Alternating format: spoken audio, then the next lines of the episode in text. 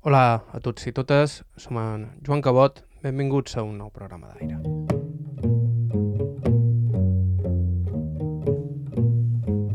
De vegades la millor manera de saber com ets és intentar veure't a través dels ulls d'algú altre. D'algú que, si pot ser, vengui de fora i pugui comparar com el testimoni d'avui.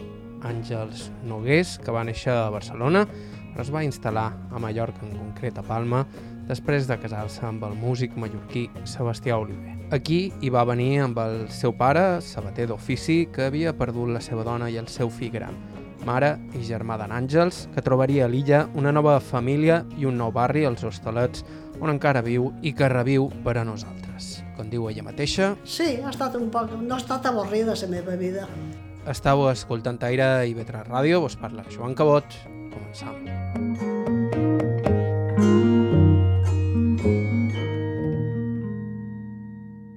Som Àngels Nogués a l'Estruí i vaig néixer a Barcelona, capital, a l'Eixample, al carrer Viladomat vaig néixer, 24 d'abril de 1936.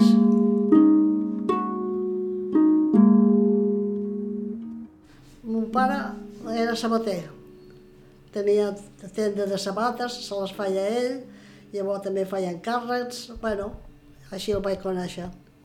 Quan era jove no sé, devia fer coses de camp perquè ell era de Terol. I mon mare, com que va morir, que jo tenia 5 anys, té molt pocs recuerdos. Pues, diuen que d'un tumor, però no tenc idea. Jo només la recordo d'ella de morta. La veig eh, com estava dins de la caixa de morts.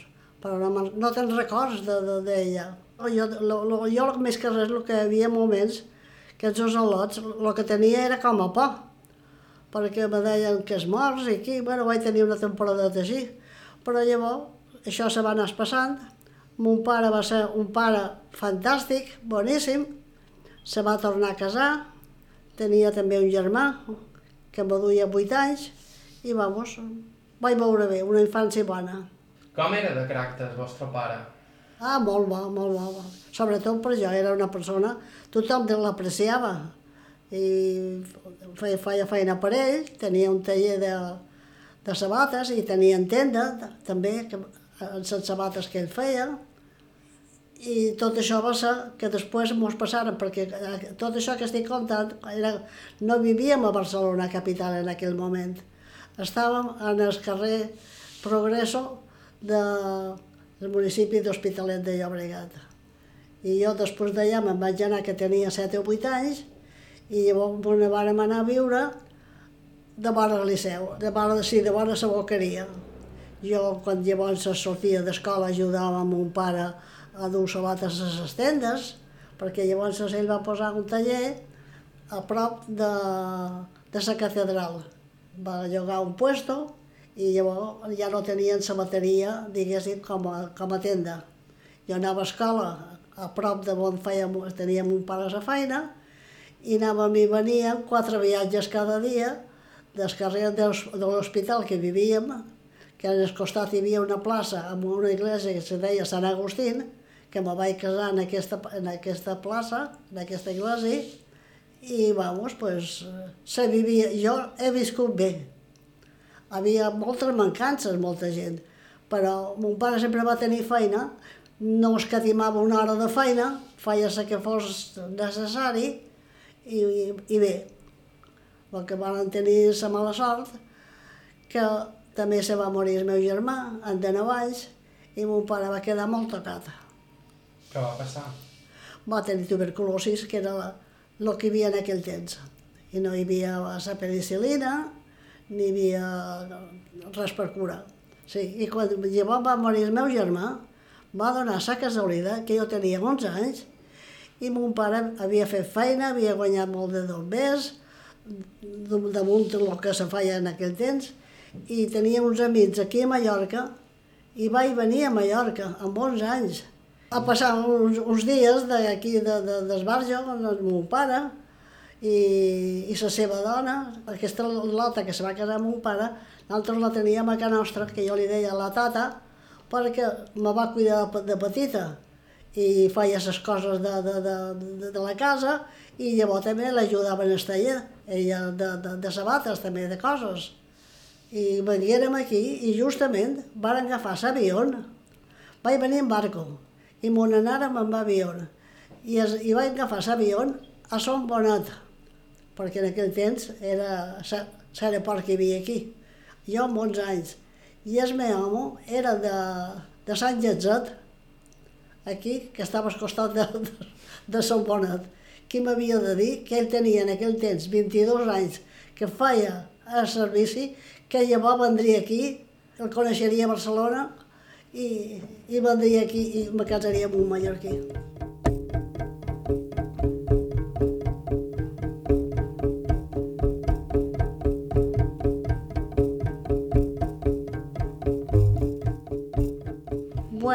Pues jo vaig conèixer el meu home per, per la península, un poble que se deia Ejea de los Caballeros. Ell era músic i jo també ballava un poc. Vaig anar a aprendre ballet i bé, me vaig liar un poc quan era joveneta.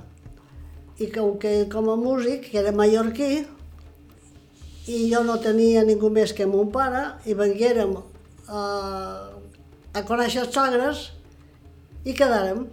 Quin instrument tocava? Ell era clarinet i saxo. Ell va fer servici militar de voluntari i va, ho va fer més que res per aprendre música, perquè a casa seva no li podien pagar coses de música. Del lot havia fet coses de guitarra i de laúd, però ell el que volia era fer coses d'orquestra.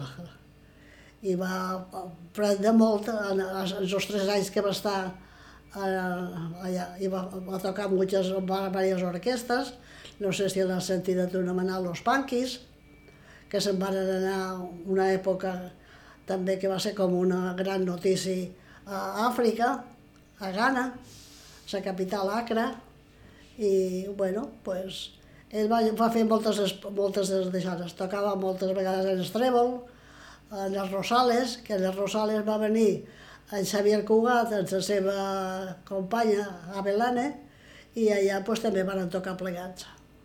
El que passa que de la música no se podia viure i, i els matins feia de pica preder i llavors vespre feia feina de músic. es venia a dormir molt tard, a vegades no, no, no, no s'aixecava als matins o si no feia mitja jornada a hora baixa, més que res per també per tenir la seguretat social, perquè si no no tenien seguretat social, no és com ara, que, que té tothom. Abans, si no te cotitzaves, estaves listo i bueno, pues ell va anar fent moltes orquestres, fins que se va morir va fer música. que, llavors quan se va jubilar se va dedicar a fer música de, de lo que feia de, de, de parados i de coses d'aquestes. Se va renovar molt en aquell temps, quan ell se va jubilar, que ell tenia ja 65 anys.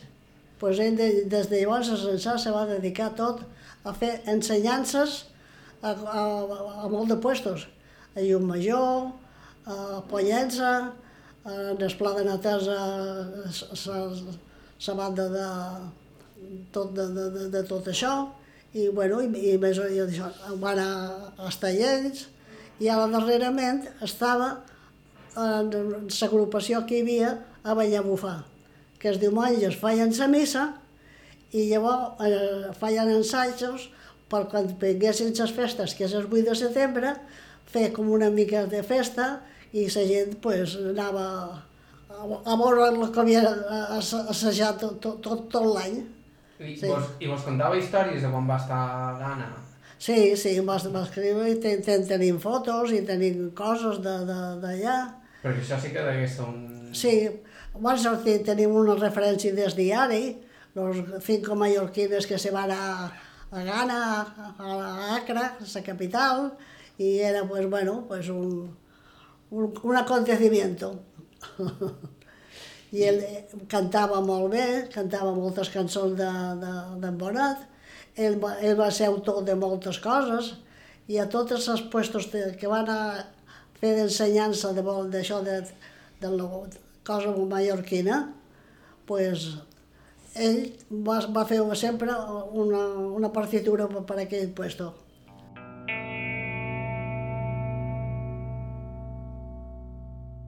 Com han dit, l'home d'Àngels Nogués era el músic i compositor Sebastià Oliver. I com ha explicat ella, el va conèixer ballant, perquè aquesta era la seva gran passió de joveneta i, de fet, una afició que l'ha acompanyada fins fa ben Ah, bo, tenia 10 o 11 anys, que hi havia un, un mestre de ball que era rus, no sé si l'has sentit nomenar, Sacha Godín, hi havia també un tal Magrinyà, Maria d'Àvila, que eren els, els, els que feien coros de, de, de ballet del Liceu, i jo volia ser ballarina, i llavors tot va quedar no, no res, però vamos, bo, se va fer un intento. Jo els balls sempre m'ha agradat. Ara no he ballat mallorquí, però si m'ho pos, ara no perquè ja no tinc forces. Però m'he puc ballar un bolero, puc ballar... I ja vos agradava molt la música de petita? Sí, sí, sí. També vaig estudiar un poquet de piano. I què era el que vos agradava ballar més? Bueno, aquí jo sempre en el club de, de, dels vells he anat a ballar, però ball de saló.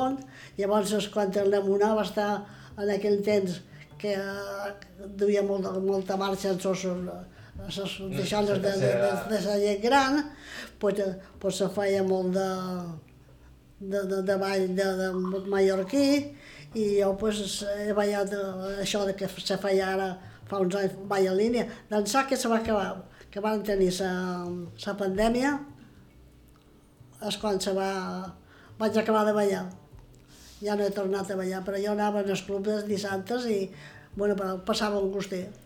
I, i també feien uh, classes de ball en el club de, de, de, de gent gran, aquí de vora el cine d'Oré, que estava, estàs aquí, pues enfrente hi havia un, un club de, de gent gran i nada, pues allà pues, se feia ball en línia, se feia gimnàsia, feien ball de saló, i venien mestres i jo m'apuntava tot, perquè sempre m'ha agradat molt.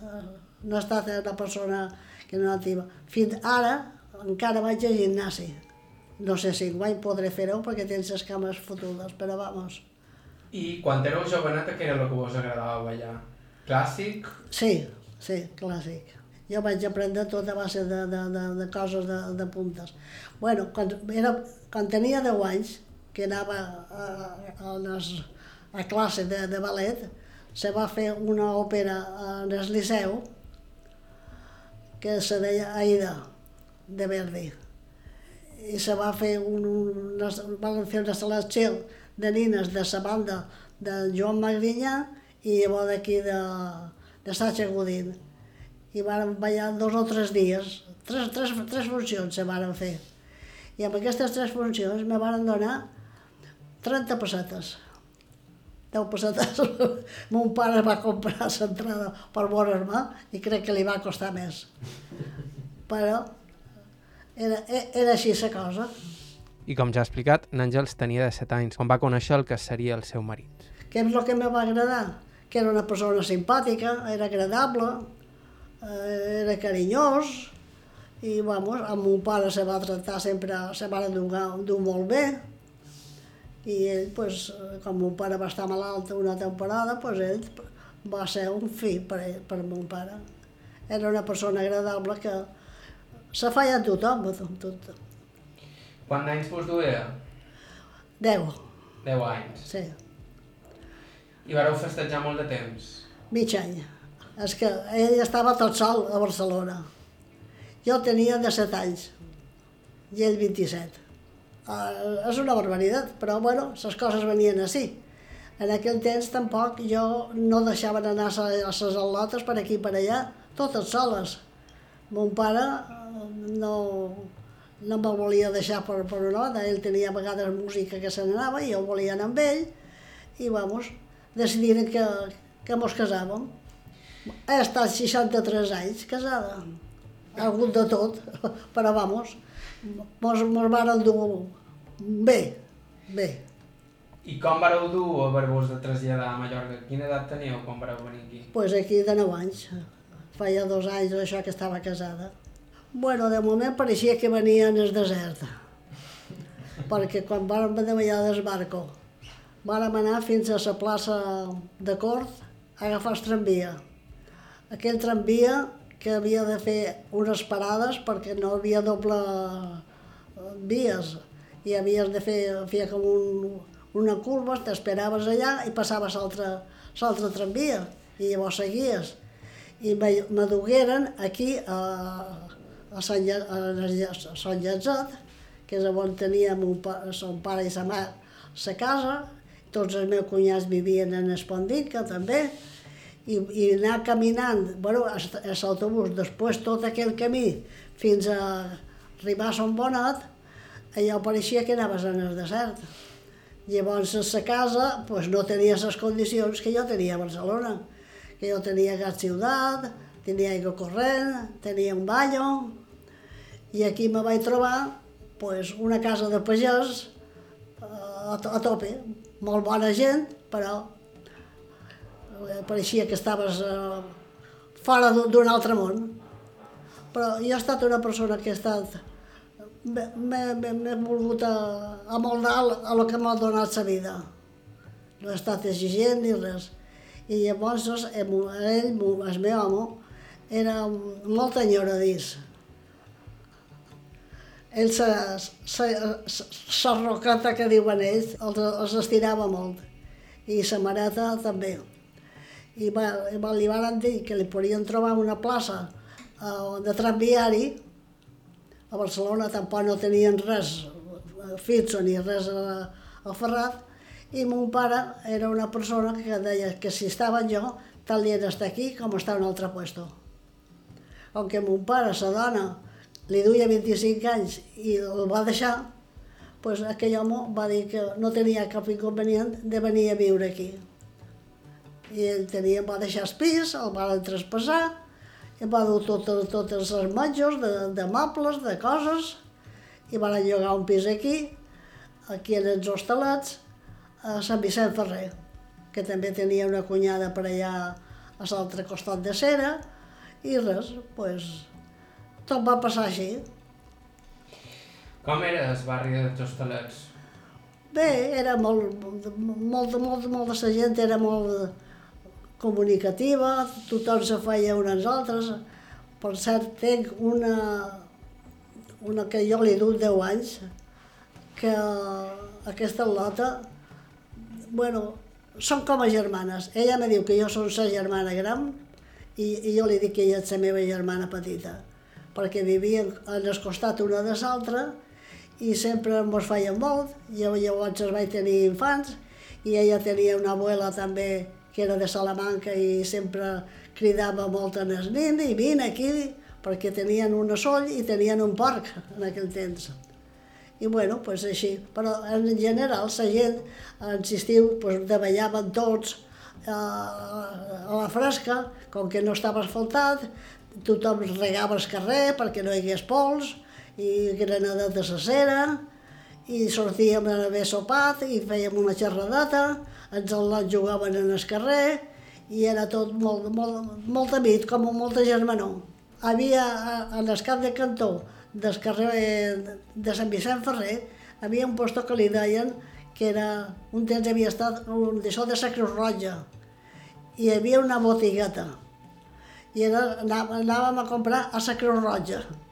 Però després, amb el temps, això ho van tomar i van fer una finca, Cap de Cantó, que encara, bueno, això se va fer ja fa millor 40 anys. Hi ha qual, qualcun cap de, cap de cantó d'Aragón que són fets de fa 40 anys. I llavors van fer també sa, on estava sa, la caixa, Bueno, pues allò abans era la, la mistera. Les dones anaven a fer feina allà que hi havia una, una fàbrica de mistos i tocaven el pito d'això, que sortien i al cap d'una hora, pues, ara una altra vegada a, a, a fer feina i estava tot de tota la gent de, de, del barri que feia feina allà. I feien feina moltes, moltes dones? Eh? Moltes, sí, bastantes, no me'n record, però vamos, era una, una fàbrica grossa, jo crec que una vintena de persones, com a mínim, o més haver. Jo no hi vaig anar mai, però vamos, sé que... Mai vareu fer feina? No, jo després vaig fer feina a lo que és avui la, la clínica Virgen de Lluc, que llavors, això se va fer no sé si l'ha sentit anomenar, a les metges de Pollença. Hi havia un metge que, era, que havia, era militar i que venia molta gent de la península per fer coses d'ossos. I li deien el metge de Pollença perquè havia estat molt de temps a Pollença. I, i se va fer aquesta clínica, la va arreglar. I jo vaig anar a fer feina aquí de camarero de pis perquè, per, per donar els menjar als malalts i, i tot això. I quant d'anys hi vareu fer feina? Dos anyets, perquè mon pare se va posar malalt i vaig haver de deixar la feina. Cosa que no devia d'haver fet mai, però en aquell temps, si no cuidaves a ton pare i ta mare, eres, eres una mala persona. I me vaig quedar pues, a, a cuidar mon pare. I tant ella com son pare es varen acostumar ràpidament a viure a l'illa, malgrat el contrast en la vida en una gran ciutat. Que a Barcelona no hi havia tanta comunicació com hi havia aquí, perquè la gent te murmuràs o te criticàs o el que sigui. Ja les cases eh, era quasi com aquí, quan jo vaig, vaig passar, perquè bon dia, bones tardes i, pare, i poco más. La capital grossa, diguéssim, un barri que, que, que estava de vora la boqueria, que sempre ha hagut la Rambla de les Flors, sempre ha hagut molta, molta convivència de gent que, de passada i una cosa i l'altra, i no era un puesto que, que tinguessis un, un veïnat, el reconeixies com ara, que passes i te diu bon dia, bones tardes, i qualcú no te diu res. De pena. Aposta, quan vengué aquí, pareixia que anava jo en el desert. Bueno, ara m'agrada, però abans era, era molt familiar, era molt comunicatiu, feia molta... Jo me feia... M'agradava l'ambient familiar que hi havia de, de persones. Molta gent que venia de poble i, i s'establia per, per els terrenys d'aquí, uns anaven a Santa Catalina, uns altres per aquí, després se va fer molt Son Conleu, que van fer les cases, i Son Conleu llavors se va agafar com una mica de, de boom, però llavors a Sant Coleu se va anar deteriorant de tal manera que no hi havia qui visqués. Jo no, des de l'ego no mos va anar, anar ningú per viure. Vaig viure 20 anys aquí a Sant Vicent Ferrer i llavors és el que, fa, el que he viscut aquí. No he canviat de més cases. No he estat d'aquestes col·legiadores de... que ara m'agrada i ara no m'agrada. Aquí on estic, procuro amoldar-me a lo que, a lo que hi ha. Ara aquí en aquest barri, pues, la veritat estic molt bé, perquè eh, és un barri que ara està a prop de la plaça Espanya, que és jo vinc fins allà, moltes, molts de dies, o me'n vaig fins a Son Oliva també, allà supermercados, tinc un supermercado de Vall de Cameva, que és fantàstic, fas qualsevol descuit, au, davallem, i estàs estupendamente. I en si, pues, està bé. Fins i tot hi havia gent que ve a baixar a Palma. Sí, sí, no, bueno, aquí davant de, de on jo estic, diguéssim, hi havia les vies d'estren. Havíem fet d'això de passar, que, que havia, uh, en el que és Balmes, hi havia una barrera que es pujava i davallava quan passava el tren. O senties que, que sonava, jo tinc una neta que quan abans no havia tocat el tren, jo deia, el tren, i se pujava damunt el sofà per veure que, que, que tinc una finestra que em dona a la plaça i, i per veure com passava el tren, el tren, el tren. I el tramvia on en recordau? Sí. Que també vos passava per aquí davant. El tramvia era això, que havien d'esperar, i inclús hi havia persones que a la millor sortien i anava per tramvia, eh, i el tramvia s'aturava, t'agafava encara no hi havia una parada, si no era parada, era igual, t'agafava i ja estava, te feia aquell favor. Era molt senzill. Sempre m'ha sorprès perquè sé, sé, sé d'històries de gent que va ser atropellada per el tramvia, que tampoc devia anar tan ràpid. Que va, de ser perquè la gent devia passar quan no devia passar, o, o jo que sé. Jo, jo no he sentit mai cap atropell de, del tramvia. No? No. Jo vaig sentir la història d'una nina que va ser atropellada per un tramvia, però degué ser un descuit bueno, de, ser, de, de, de, de, que no estaven a, a lo que havien d'estar, sí, però no, no per velocitat, no. perquè jo era la tortuga d'Artallan. sí, tu no m'entens de com pujava. I además ja t'he dit, hi havia això que feia així, i t'aturaves un poc, perquè llavors l'altre passàs i quan t'havia passat, pues llavors els tornaves a agafar i agafaves cap allà de sa, tanto de ida com de volta. I bueno, es, es, es, això, el tramvia, va estar, quan posaren l'autobús, no me'n record, però vamos, sí, vaig passar anys en el tramvia. El que a mi sempre m'agradava molt a caminar i jo per anar a Palma no l'agafava mai. Ara, diguéssim, l'autobús va fins a, a Portopí. No, ara, no, ara això només anava fins a Cort, en Espandica, sí, no havia més línies. Línies d'altres també hi devia haver, però no sé per on, perquè jo no els, no els vaig emplear, però ja t'he dit. Inclús en es, me n'anàvem a Espandica a peu moltes vegades, mon pare i jo, eh, amb, una, amb el meu fill major, que me n'anàvem, que agafàvem en braços un poc un i un poc un altre, el meu me tocava la música i clar, se n'anava a l'orquestra i nosaltres anàvem per veure els predits perquè vessin el nen. Perquè la meva sogra, el, el meu, va ser el fill petit, de vuit, i ara estava pues, molt, molt per, per, per el net aquesta, que se va morir, que ell era petitó, i quan va morir llavors de l'Espredí, ell ja tenia cinc anys per Espredí li contava moltes eh, rondalles i coses d'aquestes, i el meu fill té records d'Espredits. Ara els altres no tenen records d'Espredits. Inclús hi havia una veïnada que a baix tenia sa mare, i com que el veïnat de baix va ser un dels primers que van tenir telèfon, i mos feien també molt, perquè pujàvem i davallàvem, i era un piset d'aquests que només tenen una planta. D'aquest, això puja i no tenen i els de baix, bueno, era una finca que hi havia dues plantes baixes i jo de dalt. I mos feien molt, eren veïnats com a germans. I qualsevol cosa necessitassis, quan tenien, tenien això en el telèfon, puc telefonar? Sí, dona, com si fos a teva. Allò era normal. Feies un menjar, una cosa o l'altra, que t'agradava, que sigui, ah, mira, i te duien un obsequi, un dia el feies tu, un altre dia feia un altre. Era una germanor fantàstica. Jo m'agradava Mallorca llavors. Deia la isla de la calma i tenia raó. Ara ja no és la isla de la calma, és la isla del ruido.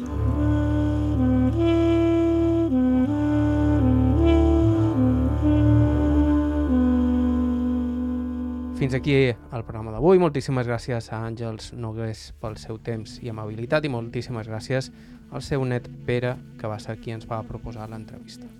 Si voleu fer el mateix, nosaltres sempre estem cercant testimonis interessants, així que si teniu alguna proposta ens podeu escriure a aire.ivetresradio.com Podeu accedir a tot el nostre arxiu i vos podeu subscriure al nostre podcast a qualsevol dels agradadors disponibles i a ivetres.org barra carta.